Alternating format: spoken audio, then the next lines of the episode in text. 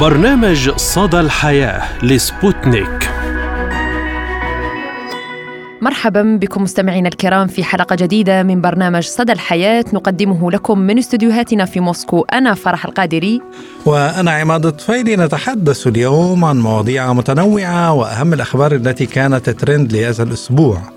ونبدأ الحلقة بموضوعنا الرئيسي عن استقبال المسلمين لعيد الأضحى المبارك وجهود السعودية عالية لتأمين أوضاع الحجاج وكل عام وأنتم بخير.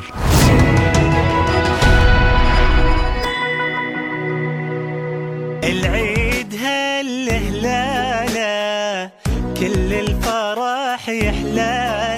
والعيد هلا هلاله ومن استديوهاتنا في موسكو نتمنى لكم مستمعينا الكرام ولكل الأمة الإسلامية عيد أضحى مبارك وتقبل الله منا ومنكم صالح الأعمال. لبيك اللهم لبيك لبيك لا شريك لك لبيك. إن الحمد والنعمة لك والملك لا شريك لك. عيد الأضحى المبارك عيد مقدس لدى المسلمين ويوافق العاشر من ذي الحجة بعد يوم وقفة عرفة ويمتد حتى الثالث عشر من ذي الحجة. عيد النحر العيد الكبير عيد الحجاج وعيد القربان.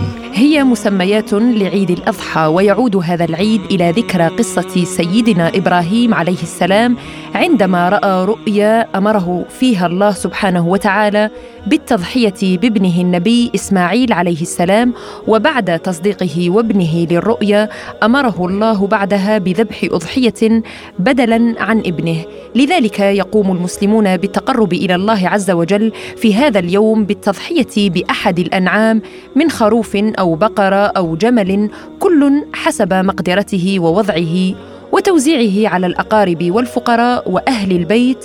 ومن هنا جاءت تسمية عيد الأضحى.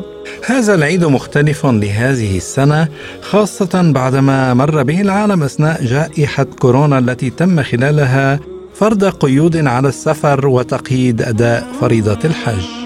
بيت الله الحرام نراه عامرا بمئات الآلاف من الحجاج من مختلف أنحاء العالم فرحين بعودتهم إلى البقاع المقدسه وأداء مناسك الحج والصلاة والتكبير لله عز وجل. يا أرض مكة خافقي ناداك يشتاق تربتك وطيب هواك.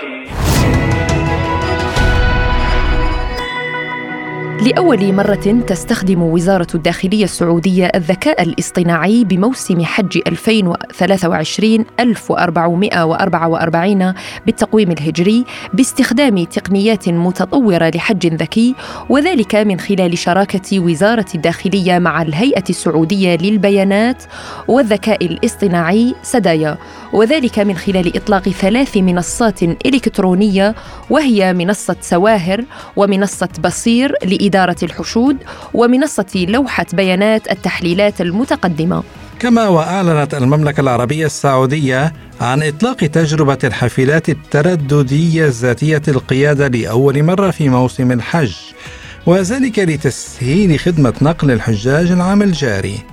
وحسب بيان الهيئة العامة للنقل تستخدم الحافلات الذاتية القيادة تقنيات الذكاء الاصطناعي والكاميرات والحساسات المحيطة بها للقيادة دون تدخل بشري ضمن مسار محدد. وأضاف البيان أن الحافلات تقوم بجمع المعلومات خلال الحركة وتحليلها لاتخاذ القرارات اللازمة. كما أتاحت السلطات السعودية عددا من الخدمات الرقمية ليستفيد منها الحجاج عبر تطبيق توكلنا خدمات بسبع لغات. وأكدت الهيئة السعودية أن تطبيق توكلنا خدمات والذي بلغ عدد مستخدميه أكثر من 17 مليون مستخدم يقدم 241 خدمة إلكترونية ويتيح للحجاج الاستفادة منه بسبع لغات مختلفة خاصة وأنه يمكن استخدامه في 77 دولة حول العالم.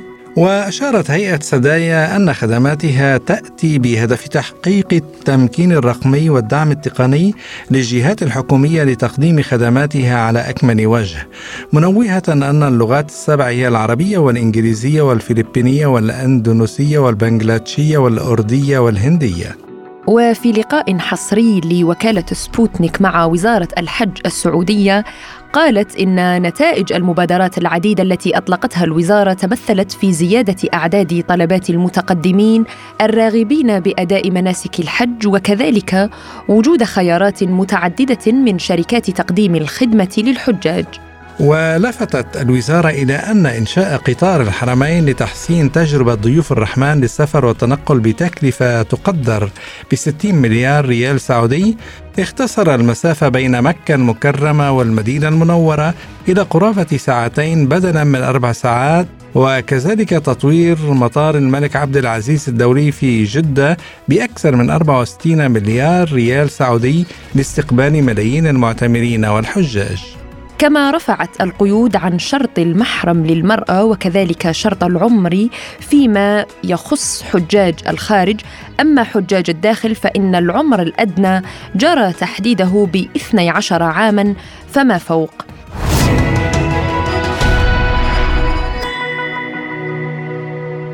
وللحديث أكثر حول هذا الموضوع نستضيف معنا مستشار اللجنة الوطنية للحج والعمرة الأستاذ سعد القرشي. أهلا وسهلا بك. وعيد أضحى مبارك. وكل عام وأنتم بألف خير. كل عام وأنتم بخير. لك ولجميع مستمعي راديو سبونتك ولجميع المستمعين في الوطن العربي وفي روسيا وفي كل العالم الذي يسمعون. معليش سامحيني. صوت عندي سلامتك. سلامتك يا رب سلامتك. سلامتك.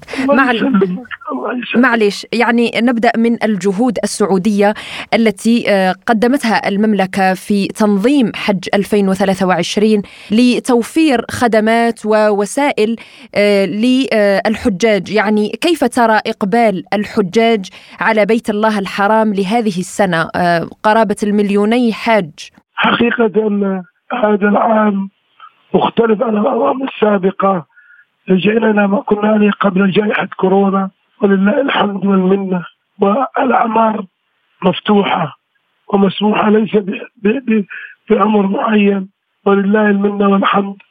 رغم شدة الحرارة الموجودة في المشاعر وأنا أكلمكم من قلب المشعر الحرام من مينا الآن ونحن قد قضينا أم أمس هو عيد الأضحى المبارك واليوم ثاني يوم في عيد في عيد الأضحى المبارك. ولله المنة والحمد.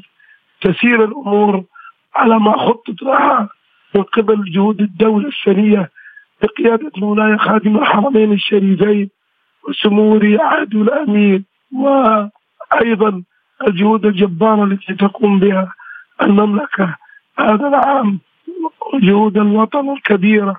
إن شاء الله تعالى سنرجع كما كنا وأكثر ونتطلع إلى رؤية مولي نائب آه، ولي العهد الأمير محمد بن سلمان آه، رؤية 2030 لنصل إلى 6 مليون حاج إن شاء الله في القريب العاجل. إن شاء الله. آه، طيب يشهد حج هذا العام عدد من البرامج والآليات الجديدة خاصة بعد انقشاع جائحة كورونا. وعودة الأمور إلى وضعها الطبيعي آه، يعني كيف ترى ذلك؟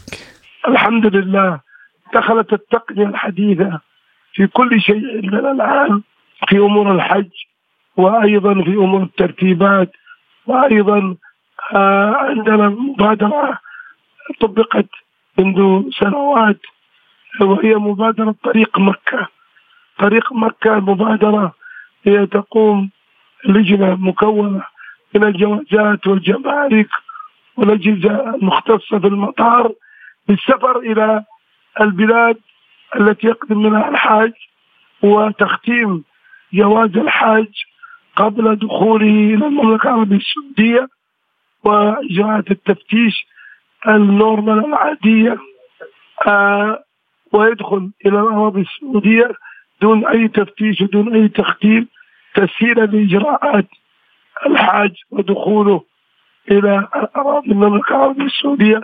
سواء كان في المدينة أو في مكة المك... أو في جدة. نعم آه، سلامتك.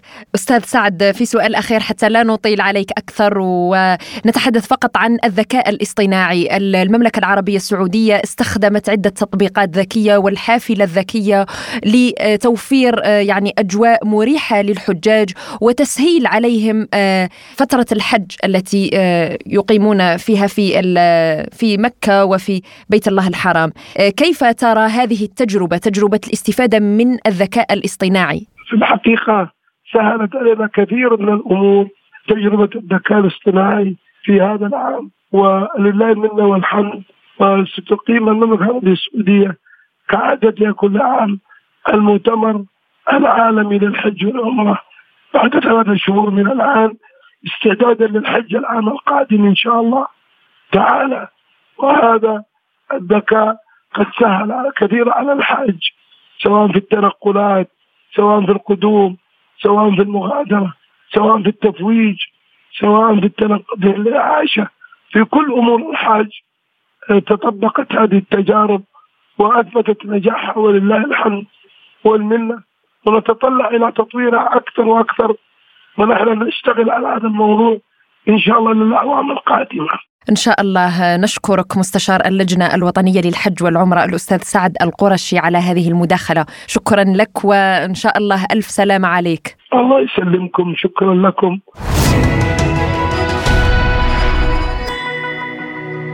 وننقل إليكم مستمعينا الكرام أجواء الاحتفالات بعيد الأضحى المبارك في كل من مصر ولبنان مع مراسلين من القاهرة محمد حميدة وعبد القادر الباي من لبنان. يعني بعد التحية مرة أخرى كما آه، جرت العادة في آه، القاهرة. في العديد من المناطق شاهدنا اليوم تجمعات كثيرة ربما أن بعض المناطق خصصت ساحات كبيرة لصلاة العيد. حرصت أيضا هذه التجمعات في بعض المدن كما شاهدنا على سبيل المثال في مدينة بدر في المحافظات. آه، مدينة أكتوبر في القاهرة آه، أيضا على ضفاف النيل وفي الإسكندرية أيضا وفي العديد من آه، المدن الكبرى والقرى أيضا. هذه التجمعات صباح اليوم يعني فرشت الساحات ببعض الزينة والبلالين صباحا وفي القرى أيضا يحرص الأطفال على ربما آه، الحصول على بعض الألعاب النارية التي يطلقونها بعد آه، صلاة العيد مباشرة ابتهاجا بعيد آه، الأضحى المبارك. أيضا من ضمن العادات أن في بعض القرى والأرياف وربما المدن الصغيرة يحرص أهل القرية عذرا على معايدة جميع أهل القرى. يعني نجد الشباب والرجال ربما يطوفون ليعيدوا على كل أهل القرية بيتا بيتا بأجواء من الفرحة والسرور. الخروج حديقة الأزهر نعم بالفعل. يعني هذه آه، الحديقة دائما آه، ما نرى فيها تجمعات كثيرة الحقيقة ربما للمصريين ولغير المصريين. يحرص أبناء الجاليات آه، العربية الموجودة في القاهرة إلى على الذهاب إلى هذه الحديقة. تنظم فيها بعض الكرنفالات وبعض الاحتفالات وبعض الفقرات سواء كانت من عروض الفرق الشعبية وبعض الاحتفالات الأخرى التي تنظم من خلال المحافظة أو تنظمها أيضا وزارة الثقافة في بعض آه، الأماكن صباح يوم آه، عيد الأضحى آه، يعني بالتأكيد هناك نسبة من التأثر بما يحدث في العالم. مصر ليست بمعزل عن كل دول العالم وما يحدث من أزمات اقتصادية. أثر على كافة الدول العربية وغير العربية أيضا بشكل كبير. القوى الشرائية ربما تراجعت نسبة ما إلا أن العادات والتقاليد لم تتأثر. يعني ربما آه، يحرص المواطنون في آه، ربوع مصر على آه، ذبح الأضحية. هذه العادة لم تتأثر إلى حد كبير، الجميع يحرص على هذه العادة. صباح يوم عيد الأضحى. ربما أن الخيارات اختلفت نسبيا. يعني قد يضطر تضطر بعض الأسر على سبيل المثال لشراء أضحية أقل ثمنا من الأضحية العام الماضي نظرا ربما للظروف آه، الاقتصادية لكنها حريصة على أداء هذه آه، الأضحية وعدم يعني تغيير هذه العادات أو هذه السنة التي اعتادوا عليها طوال السنوات آه، الماضية. لاحظنا ربما هذا الأمر أيضا في التجمعات هناك حالة من التكافل ربما في بعض المناطق الفقيرة يحرص أيضا المواطنون الأثرياء على ذبح الأضاحي وتوزيعها على الفقراء بشكل كبير خاصة في القرى والمدن الصغيرة. هناك حالة من التكافل الكبيرة. ربما لم يشعر أحد بهذا التغير بسبب هذه الحالة في مصر. يوم أمس آه، كانت ليلة العيد ليلة عيد الأضحى واعتادت الأسواق وشوارع الأسواق أن تعج بالناس. ولكن آه، هذه السنة آه، كانت الشوارع شبه فارغة. الحركه في الأسواق كانت شبه معدومة. الإقبال على شراء ثياب العيد والأحذية أيضا كانت خفيفة جدا وهذا ما قاله لنا بعض التجار الذين تحدثنا معهم. يعني انخفضت نسبة المبيعات لديهم بحوالي أو بمعدل 80 أو 90% وهذه الشوارع كانت آه، شديدة الازدحام في السنوات الماضية وبشكل خاص ما قبل الأزمة. طبعا آه، هذه يعني هذه الأزمة الاقتصادية أثرت إلى حد ما على آه، العيد وأجواء العيد ولكنها لم تخلو من الفرحة والبهجة. يوم أمس أيضا استقبل بعض المواطنين عيد الأضحى ببعض المواطنين استقبل عيد الأضحى بإطلاق المناطيد الحرارية في سماء آه، طرابلس. آه، اليوم صباحا الأجواء كانت فرحة ومبهجة جدا. آه، آلاف الناس افتشر آلاف الناس افترشوا الشوارع وادوا صلاة عيد الأضحى طبعا كانت كانت كانوا كان الناس بصحبة. طبعا هذا يعني صباح العيد لم يخلو من البهجة والفرحة. الناس كانوا بصحبة عائلاتهم أدوا صلاة العيد وافترشوا الشوارع مدينة طرابلس وعددهم كان بالآلاف.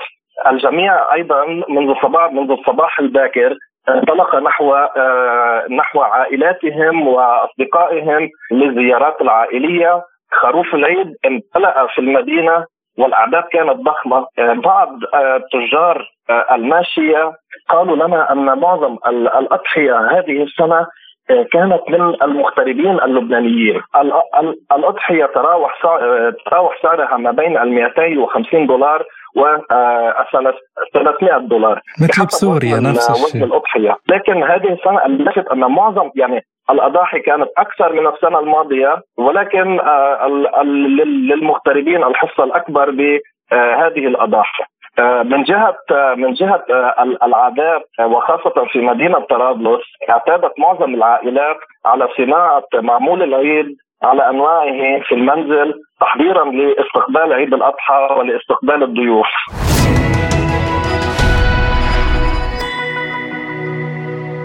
نواصل مستمعينا الكرام معكم حلقة اليوم بأهم الأخبار التي كانت ترند لهذا الأسبوع وما هو أول خبر لديك يا عماد بالتزامن مع عيد الأضحى المبارك لدى المسلمين؟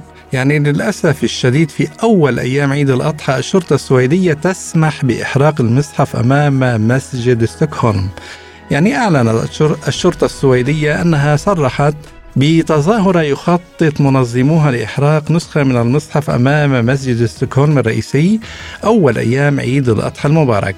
وجاء الضوء الأخضر لمحرقي القرآن بعد أسبوعين على رفض محكمة استئناف سويدية حظرا أعلنته الشرطة على الاحتجاجات التي تنظم لإحراق المصحف.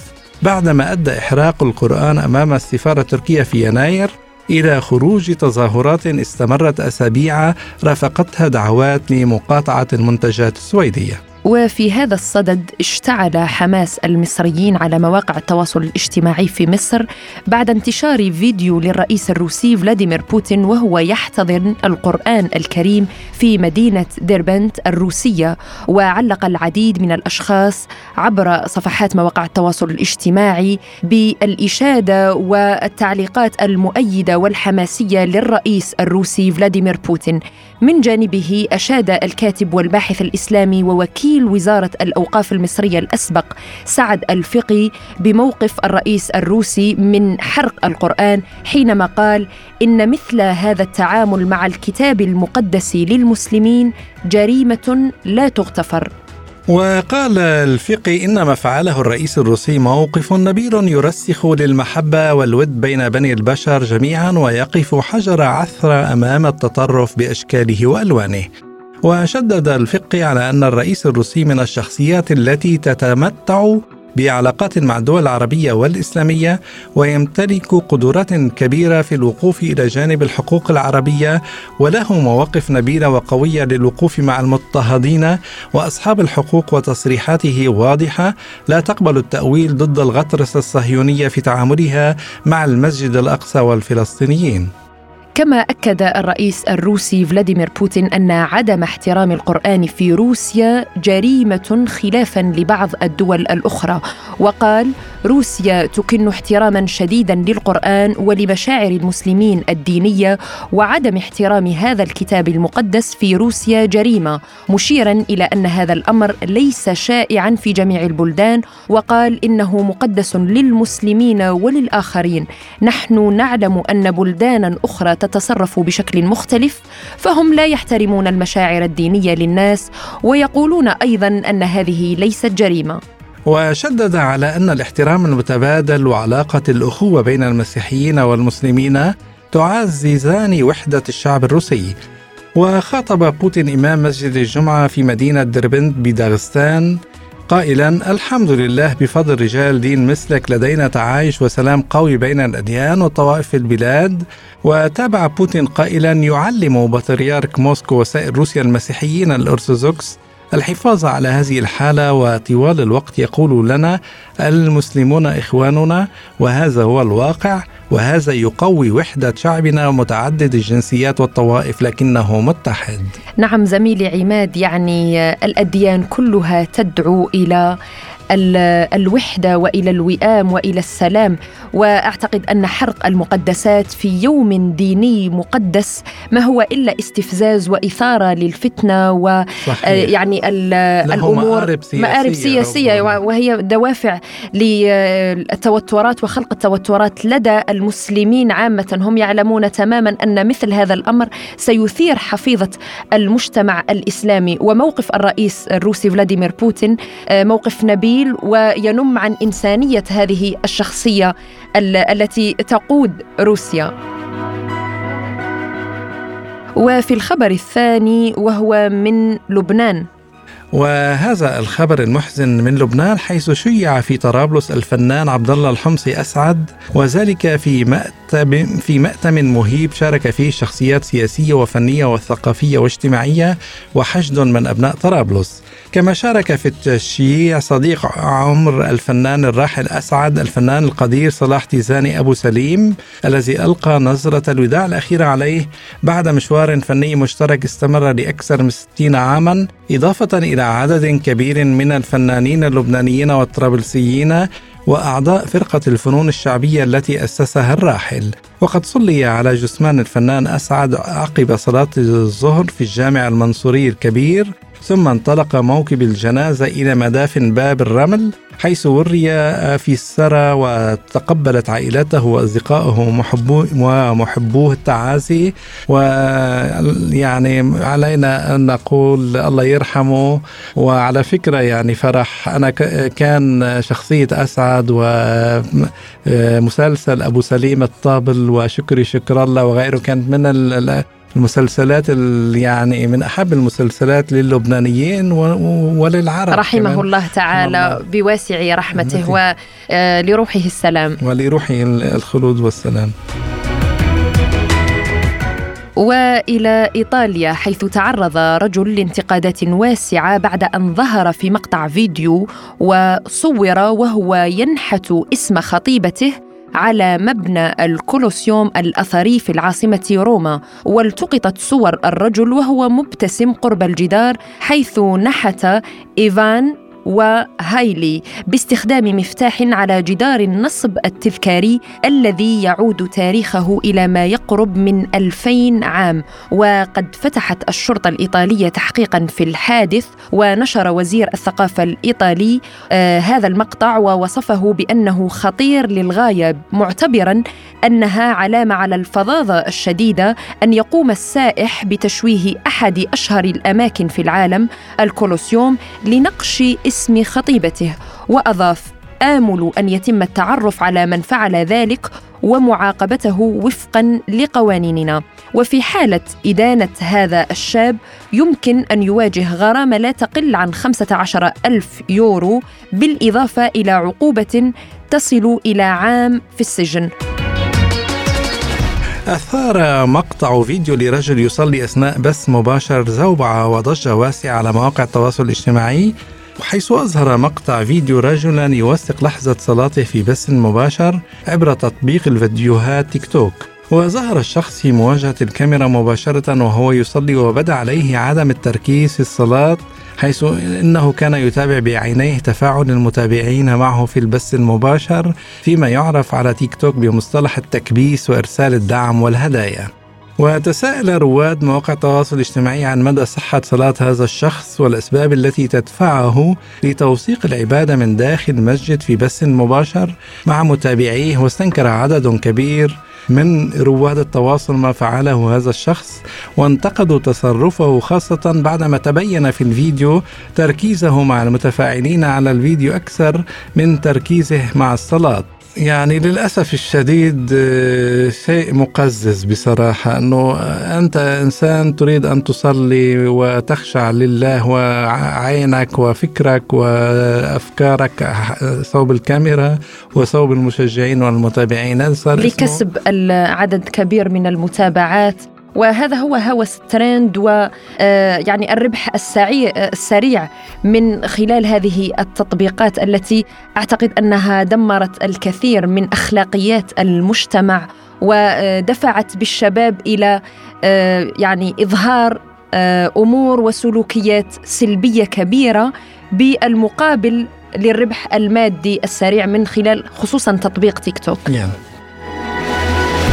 وفي المغرب أثار علم رفع علم المثلية في الدار البيضاء بالمغرب جدلا واسعا على صفحات مواقع التواصل الاجتماعي حيث خرجت مجموعة من الفعاليات النسائية للاحتجاج بقلب الدار البيضاء والمطالبة بتغيير قوانين مدونة الأسرة والقانون الجنائي إحقاقا للعدالة والمساواة بين الرجل والمرأة.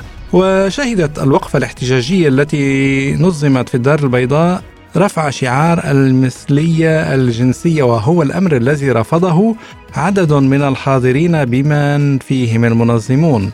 وعمل أحد المشاركين في الوقفة الاحتجاجية على رفع علم المثلية بعدما كان يتواجد في الصف الأمامي ما أثار حفيظة بعض الشبان الحاضرين. ليتدخل منظمون ويطلبوا إزالته ولم تستسغ بعض المشاركات الأمر وكذا شبان حاضرون ليدخلوا في مشادات كلامية مع الشاب المثلي الحامل للعلم الذي ظل يردد ما كيناش أولوية في الحقوق. بينما علق عليه أحدهم هذه بلاد أمير المؤمنين ماشي بلاد قوس قزح حشومة. وأمام هذا الوضع جرى إبعاد صاحب العلم عن مكان الوقفة الاحتجاجية مع العمل على حمايته من أي اعتداء قد يطاله من طرف الغاضبين من هذا السلوك. ورفض منظمو الوقفة الاحتجاجية التعليق على الموضوع على رفع علم المثلية مؤكدين أنهم يدافعون عن الحريات الفردية وعلى المساواة في القانون الجنائي ومدونة الأسرة.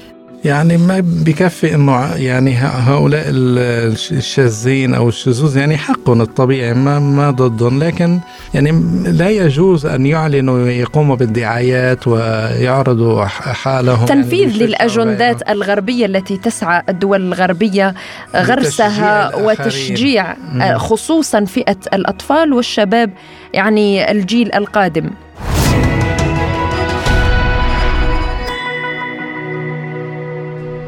إلى هنا مستمعينا الكرام تنتهي حلقة اليوم من البرنامج وكنا معكم فيها أنا عماد فيني. وأنا فرح القادري ودمتم في أمان الله وحفظه وكل عام وأنتم بألف خير. وكل عام وأنتم بخير.